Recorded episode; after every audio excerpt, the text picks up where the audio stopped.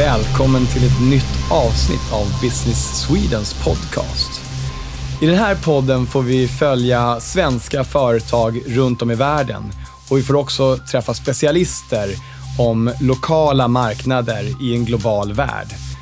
Välkomna! Mitt namn är Kristoffer Sköttqvist. Och idag har jag med mig en gäst i studion, nämligen Maja Sorik. Välkommen Hejsan, Maja. tack så mycket. Du är något av en specialist på Europa och då lite fokus på både de tysktalande länderna, eh, Schweiz, Österrike och med, med mera, men också på östsidan eh, som vi kallar det med eh, ja, Kroatien, vad är det mer för länder som räknas in i öst där? Mm. Du har helt rätt med att med den ena foten då i eh, väst med tysktalande Dach-regionen. Eh, eh, men sen naturligtvis en, en väldigt, väldigt tydlig fot i eh, östländerna som eh, Ungern, eh, Tjeckien, Polen eh, och sen faktiskt eh, även längre eh, söderut, Kroatien, Serbien. Eh, så en väldigt, väldigt spännande region skulle jag säga. Du eh, jobbar ju på företaget Business Sweden Yes, och du har jobbat där hur länge då? nio år. Wow! Jubileum 2 mars. Ja, vad härligt. Vad, vad berätta, vad är det som är så spännande med att jobba på Business Sweden? Jag tror att eh, det är ganska unikt att en arbetsgivare kan eh, erbjuda dig en så dynamisk miljö. Å ena sidan arbetar du med eh, eh, företag eh, och eh, marknader och segment som är eh, verkligen framtiden 4.0, så som det kan vara i Schweiz. Och å andra sidan så jobbar du med de här utmanarna från öst som verkligen nu håller på att transformeras. Så på det sättet så tror jag det är liksom väldigt dynamiskt och omväxlande. Jag tänkte passa på när jag har dig i studion idag Mhm. att fråga dig lite grann om vad vi som svenska företagare ska tänka på när vi ska expandera ut i Europa. Mhm. Men jag tänkte också passa på att fråga lite hemligheter om eh, vad jag som privatperson kan uppleva eh, och om du har några guldklimpar. För jag vet att du reser runt väldigt mycket. Mhm. Om vi börjar med att titta på eh, affärssidan. Yes. Hur stora är, vi börjar med eh, de tysktalande länderna då. Hur, hur stora är svenska företag där? Eh, de svenska företagen, om man kollar på de som eh, lyckas väldigt, väldigt väl, eh, så de industriella bolagen upplever något av en riktig, riktig uppgång där nu med SKFs, ABBs och eh, Saabs. Eh, så det här är jätte, jätteviktiga avsättningsmarknader för dem eh, där de gör väldigt fin tillväxt nu. Men sen så får vi inte glömma SME-erna. Eh, Vad betyder det? det är ju de små och medelstora eh, bolagen eh, som är väldigt högteknologiska, som är väldigt nischade. För de vill connecta med alla de här Roche och Siemens. Och, så det är väldigt strategiska, både innovations eh, partners för oss när vi ska utveckla, men faktiskt också som vi säljer eh, lösningar till. Eh, Dessutom så vet man ju att många svenska bolag har också haft huvudkontor i, i Schweiz eller haft kontor i Schweiz där man har jobbat. Har, har det bara varit av skatteskäl eller har det varit av andra skäl också? Jag skulle säga om man har någon form av eh, regionalt eh, kontor där eller om man skulle ha någon form av HQ. Historiskt så har det funnits en eh, aspekt med skatteparadis perspektivet. Men eh, där jag tror att de svenska företagen verkligen eh, väljer eh, Schweiz som bas. Det är helt och hållet kopplat till innovation. Det är där de hittar morgondagens teknik. Och um, hur mycket tror du att en, um, en sån sak som um, eh, Cerns, tunneln där har påverkat eh, innovationsklimatet i Schweiz? Helt klart väldigt mycket, för att mycket av basforskningen äh, finns ju där. Och sen är ju hela affärsmodellen är ju att man ska använda den basforskningen och ta den till industrin. Så vi har också utbyte med stora industriella jättar med hur de skulle kunna ta vara på den och vidareförädla.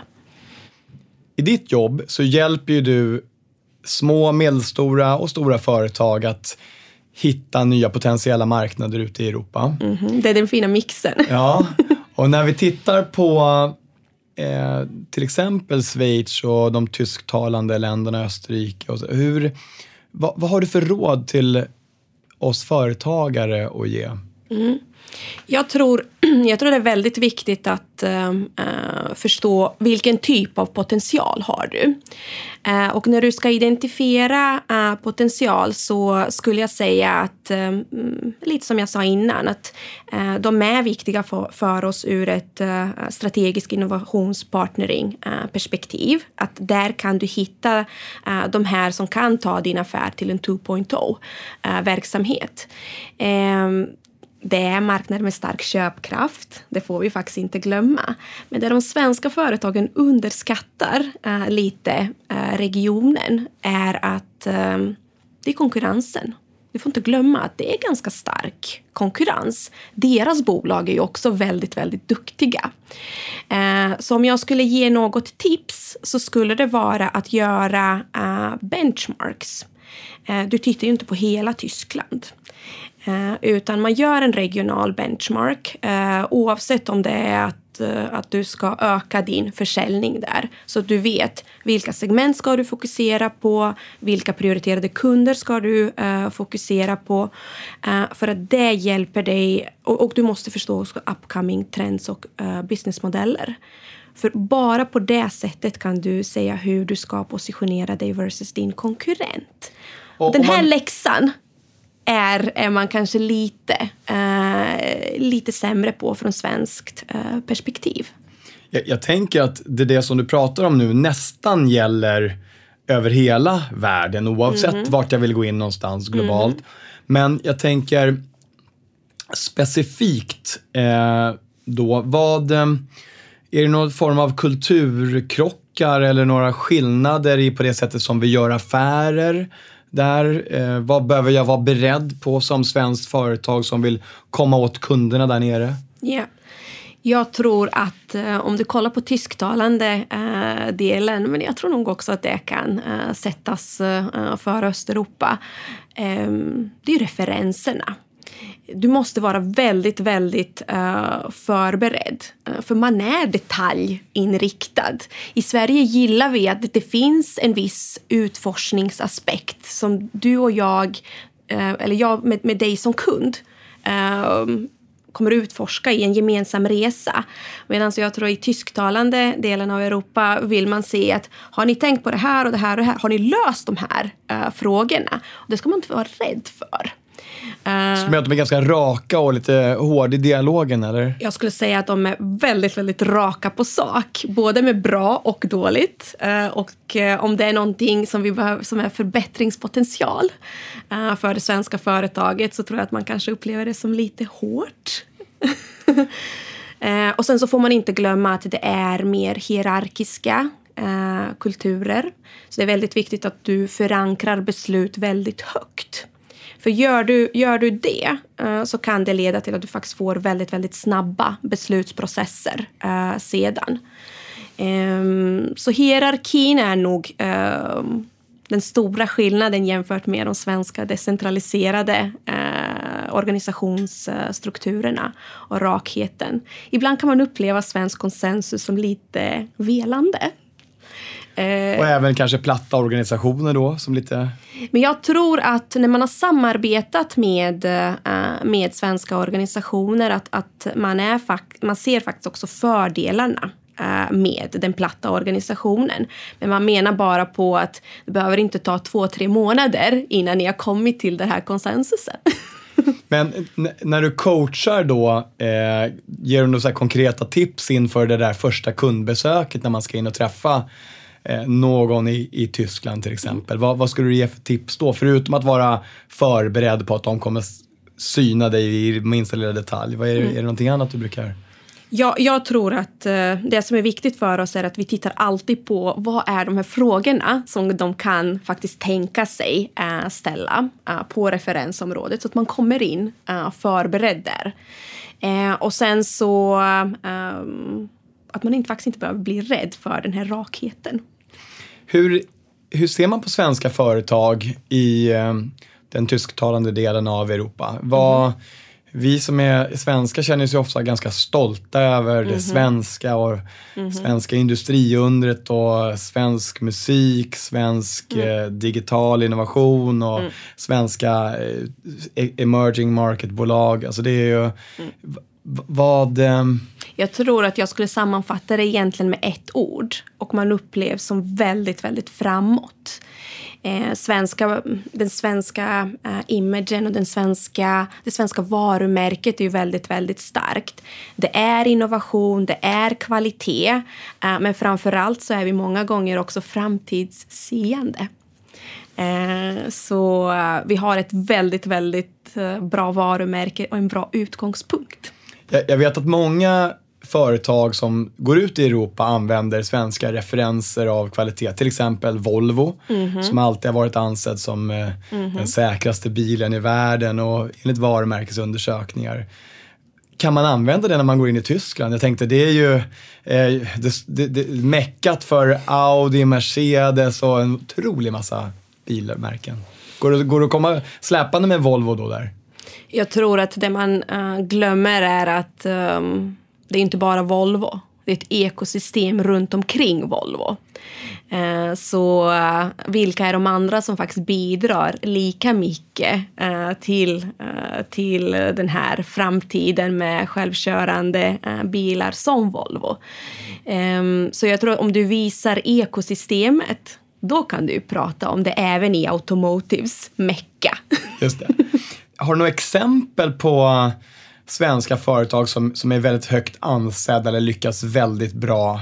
Det är klart att vi, vi känner ju till att Ikea är stora och Alfa Laval jobbar där nere. Alltså det finns mycket svenska företag som jag, jag, jag tror att, jag tror att eh, eh, man tänker sig Sverige är Ikea eh, lite när man kommer ut.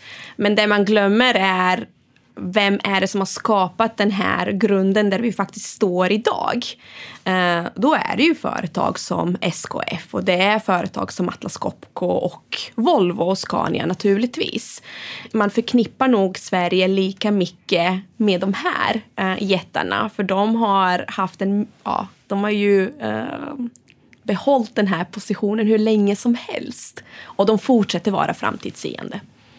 Så om jag som liten företagare vill gå in i, eh, eh, komma in i Europa och inte på något sätt konkurrerar med någon av de stora bolagen, kan jag ta hjälp av dem in i, på, på den tysktalande marknaden i Europa? Absolut. Eh, det som är viktigt eh, är att man som liten företagare funderar också på vilka svenska företag skulle kunna vara mina globala strategiska partners eh, i min internationalisering och just för att jag ska öka min globala försäljning. För det är ju en distributionskanal för dig. Man får ju någon känsla när man tittar på svensk tv och ser alla de här Beck-filmerna dubbade till tyska mm -hmm. och mhm. sådär. Hur, hur, är, hur ser det ut? Skulle man, eh, finns det ett, en, en, en stor tro till den typen av mediaproduktioner och sånt också? Det verkar som att det finns ett stort intresse, eller är det överdrivet det där eh, intresset av Sverige? Vi, vi tror ju att alla tyskarna älskar att komma till Sverige på semester och, och att de älskar att se svenska serier. Jag skulle säga att de att i hela egentligen tysktalande eh, delen av Europa, de älskar svenska serier. Eh, de här krimi-serierna eh, som de kallar dem. Eh, att turista här, eh, naturligtvis, eh, lika mycket.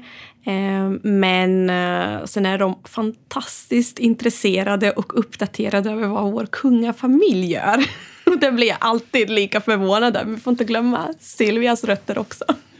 ah, okej. Okay. Så att om man tar med sig Silvia på kundbesöket då kommer man få access till högsta vdn definitivt? Jag tror. Sign. Ja, sign direkt. Visste du att en ny förvärvsvåg håller på att dra över den tysktalande delen av Europa och att så kallade hidden champs är i fokus för dessa uppköp? Bland svenska framgångscase kan nämnas EQT som köpte österrikiska IT-bolaget Atomic och lyckades dubbla omsättningen på fem år innan avyttring att eh, enligt CNN är Wien och Hamburg två av världens bästa ställen att leva på. Wien återfinns i absoluta topp med bara Melbourne före på världsrankingen. Att två av Östeuropas största banker är österrikiska. att ett av Europas absolut största byggbolag är österrikiskt. Att Jaguar håller på att etablera en jättefabrik i Slovakien. Och att eh, Hollywood kanske inte ens skulle ha byggts till vad det är idag utan ungrare. Paramount Pictures grundare är nämligen ungraren Adolf Suckor. Och 20th Century Fox skapades av Vilmos Frid. Och Casablanca-regissören är Michael Curtis. Eh, vi pratade om att stå med ett ben i väst och ett ben i öst. Eh, du bor i Wien i Österrike, det är din bas. Det är det. Det är en otroligt vacker stad. Berätta om Wien. Wien. Um, ehm, det här är ju egentligen epicentret uh, vart öst alltid har mött uh, väst och naturligtvis kopplas det ju mycket till eh, uh, Habsburgarnas uh, dominans uh, i Europa. Jag skulle säga att det, det, är ju den stad som klassas, klassas allra, allra högst på världens mest kvalitativa städer att bo i. Det har att göra med säkerhet, det rika kulturutbudet eh, och sen naturligtvis att det är en så strategisk geografisk plats. Du har närheten eh, till det mesta. Du har Alperna, du har Adriatiska kusten i närheten, Italien. Eh, så en fantastisk stad att bo i skulle jag säga. Man känner ju till att Mozart kommer därifrån, men vad är det man inte vet? Vad man kanske inte vet är eh, kanske hur mycket österrikarna själva har eh, bidragit till, eh, till eh, din vardag. Eh, kollar man på Mozart och Salzburg är ju nära förknippade. Men jag menar, eh, vad, vad är det annars som kommer från, äh, från äh, Wien och Österrike? Freud naturligtvis, hela psykoanalysen.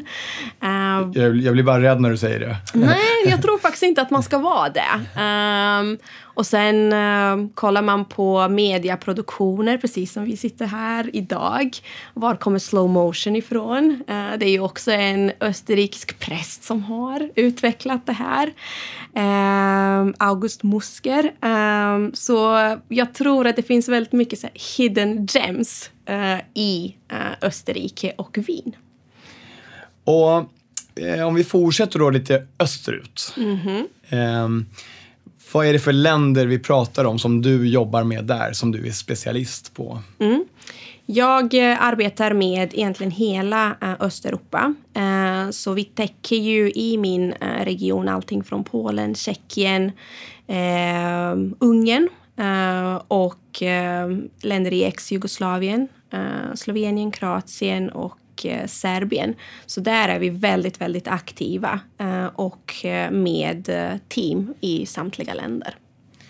Man tänker när man tittar på de marknaderna som svensk företagare så har ju man sett svenska företag till och med åkt ner där och startat ketchupfabriker mm och lyckats. Mm eh, men de har ju framförallt sålt på den lokala marknaden. Mm. Hur, hur är köpkraften i Östeuropa för svenska produkter eller svenska innovationer idag? Mm. Om man kollar på traditionellt, eh, Polen, Tjeckien, Ungern, eh, det har ju varit väldigt vanliga eh, sourcing-marknader. Eh, vilket du också eh, har varit inne på här. Eh, men de här marknaderna håller på att genomgå en enorm transformation. Jag, jag stoppar dig där. Sourcingmarknader, vad menar du med det? Eh, det är egentligen att du etablerar fabrik där för att du har förmånligare eh, arbetskraft. Eh, Så du tillverkar där för den europeiska marknaden och du sätter sån produktion som är väldigt arbetskraftsintensiv. Så du förbättrar din konkurrenskraft genom att förlägga produktionen i billigare länder. Mm. Eh, men var transformeringen sker nu är ju att eh, från att ha varit väldigt arbetskraftsintensiva uh, produktioner där så ökar de i sin value add. Så det blir mycket mer uh, uh, tailor-made uh, production, alltså mer avancerad produktion. De här marknaderna kämpar idag också med arbetskraft, alltså tillgången på arbetskraft och att lönekostnaderna ökar. Vilket gör att de måste titta på högteknologiska produkter som automatisering och robotisering. Och det är väldigt, väldigt intressant för ur ett svenskt perspektiv för vi har de här lösningarna för hur du ska öka din produktivitet och effektivitet.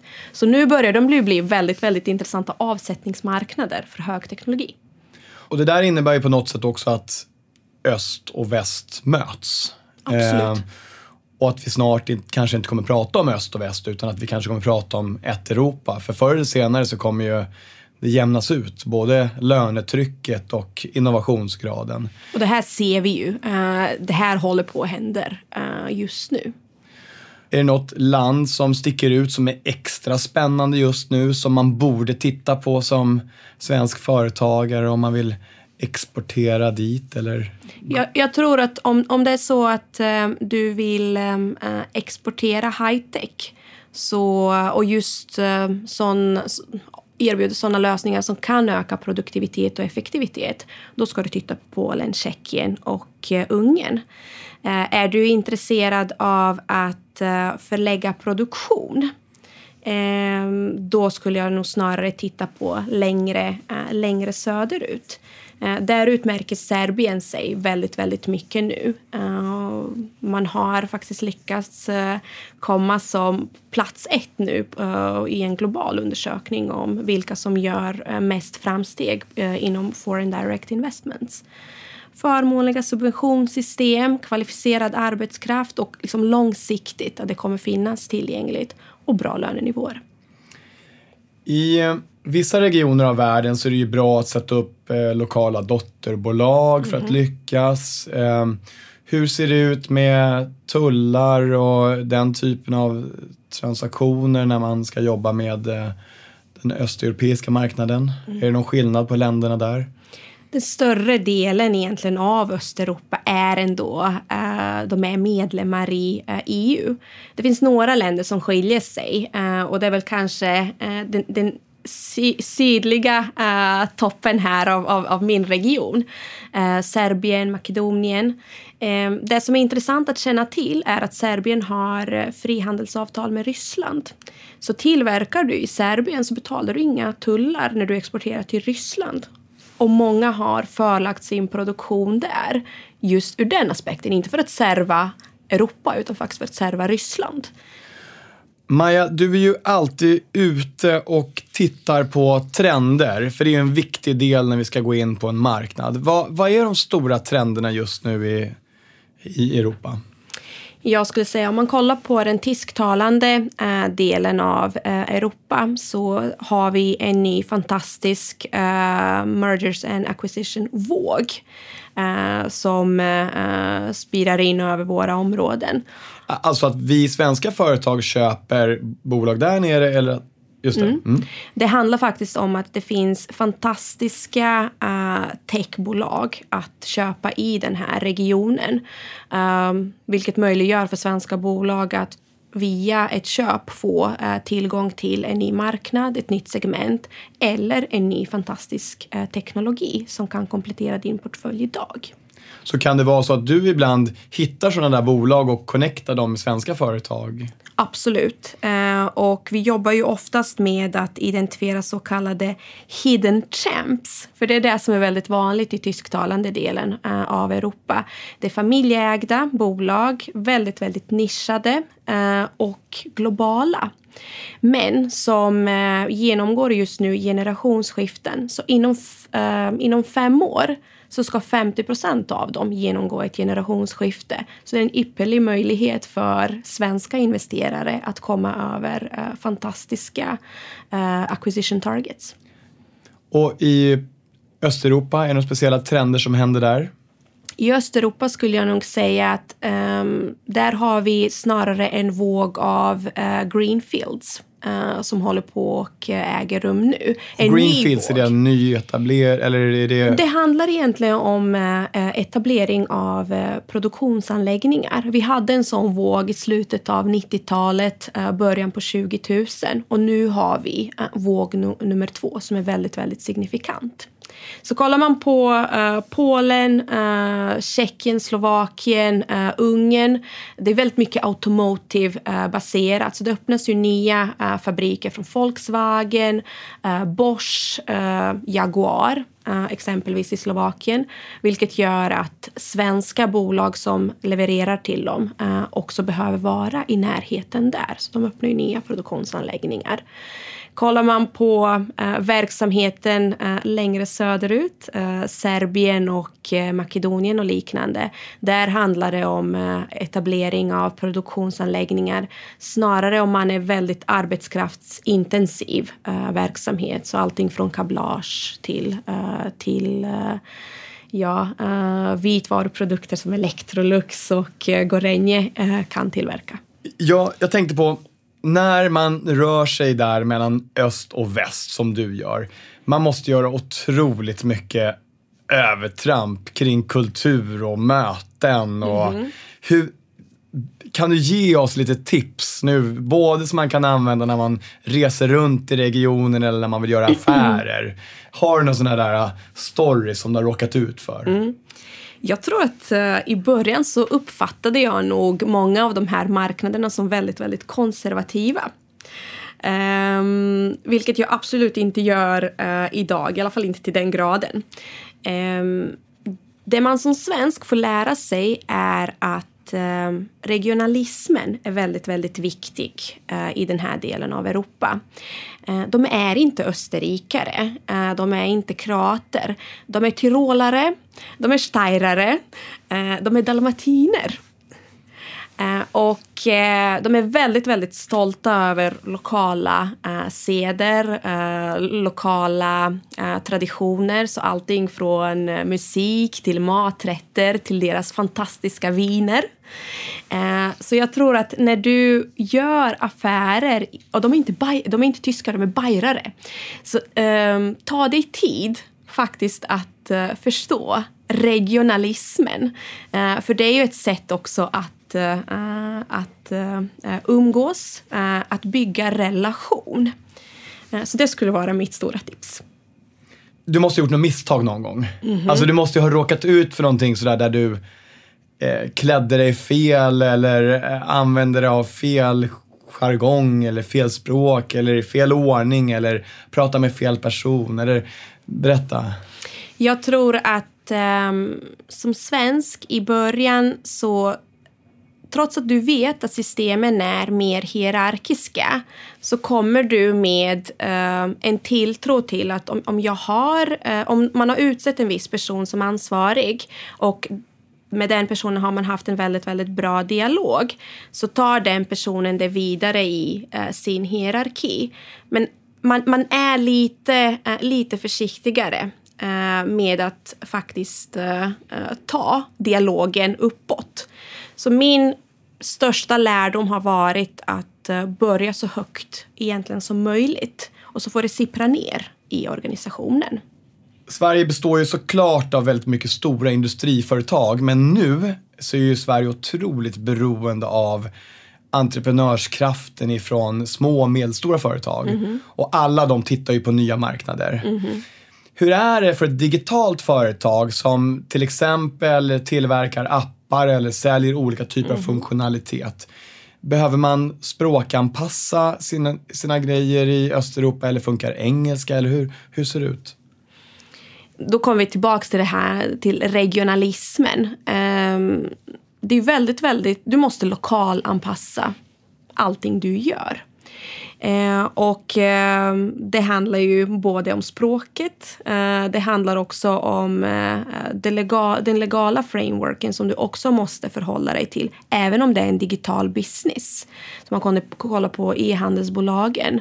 Eh, och det glömmer man ju lite, eh, att det finns också sådana aspekter, för det kan ju bli väldigt, väldigt dyrt annars. Eh, så helt klart lokalanpassa och du måste ha det på tyska, ungerska, whatever it may be. Och nu när vi ändå har dig här med oss i studion, mm -hmm. ge oss lite bra tips här över lite bra restauranger och upplevelser när vi ska resa runt i Europa. Mm. Då tror jag att jag gör som så här, jag bjuder mig... Smultronställena. Smultronställena. Jag bjuder mig er till eh, Salzkammergut och eh, Salzburgområdet. Eh, där ni har fantastiska sjöar eh, och vandringsområden eh, på, för sommaren saltgrottor som är hur häftiga som helst. Men fantastisk skidåkning på uh, vintern. Så det här är sådana områden som alltid, alltid är rätt. Um, jag skulle nog också vilja bjuda med er ner till eh, uh, Österrikarnas Riviera nere vid Klagenfurt vid Wörthersee. Uh, eh, också otroligt uh, vackert. Ehm, men ehm, även ner till eh, Adriatiska kusten. Eh, vi har ju pratat lite om eh, Split och öriket runt omkring. Ehm, vi har fantastiska öar som Korčula, Marco Polos ö. Vi har fantastiska vinlandskap. Eh, segling, att inte eh, förglömma, som är väldigt, väldigt populärt eh, hos svenskar.